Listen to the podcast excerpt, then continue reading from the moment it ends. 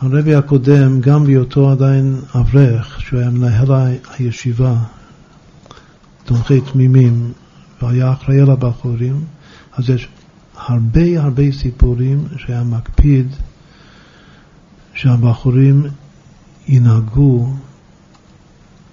מנהגים של הידור, במיוחד בפרהסיה.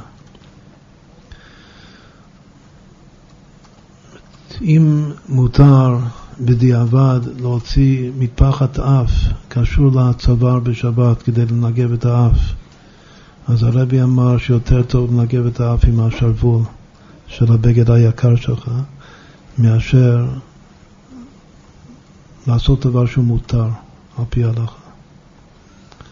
אם מותר על פי ההלכה להשתמש במשחת נעליים בפסח, בגלל שזה דבר שלא ראוי לאכילת כלב, יותר טוב שלא תצחצח את הנעליים בפסח, שלא יהיה לך משחת נעליים. ועוד כהנה וכהנה, אם מותר לעשן ביום טוב, אז זה כבר ממש כתוב שחסיד לא צריך לעשן בפרהסיה ביום טוב. ועוד כמה וכמה סיפורים על אותו משקל ש... שחסיד צריך להיות מופת לרבים לנהוג בהידור. אפילו שה, כמו שני הסיפורים הראשונים שאמרנו, אפילו שהמנהג בהידור זה קצת, אה,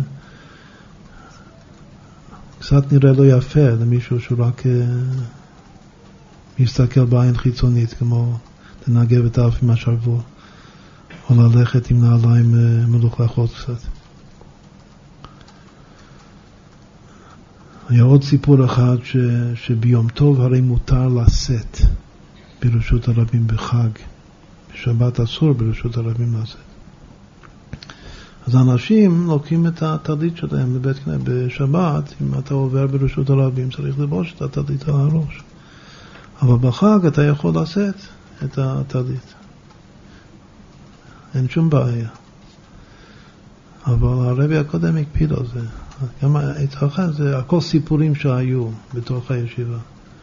שראה אחד, גם כן אברך צעיר, שמגדולי החסידים, שהוא נושא טלית, ביום טוב מותר. הוא אומר שזה פסנית.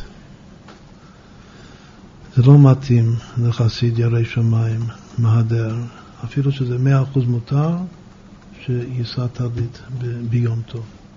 שילבש את הטלית, כמו שבת. עכשיו, כל, ה, כל הסיפורים האלה זה סיפורים של תיקון נצח והוד בכוחות הנפש. בגלל שנצח והוד זה גם התנהגות בפועל. אומרת, כל מה שנקרא מנהגים, מנהג זה הרגל, הרגל זה רגל, הרגליים זה נצח והוד. איך אתה מתרגל, איך אתה נוהג.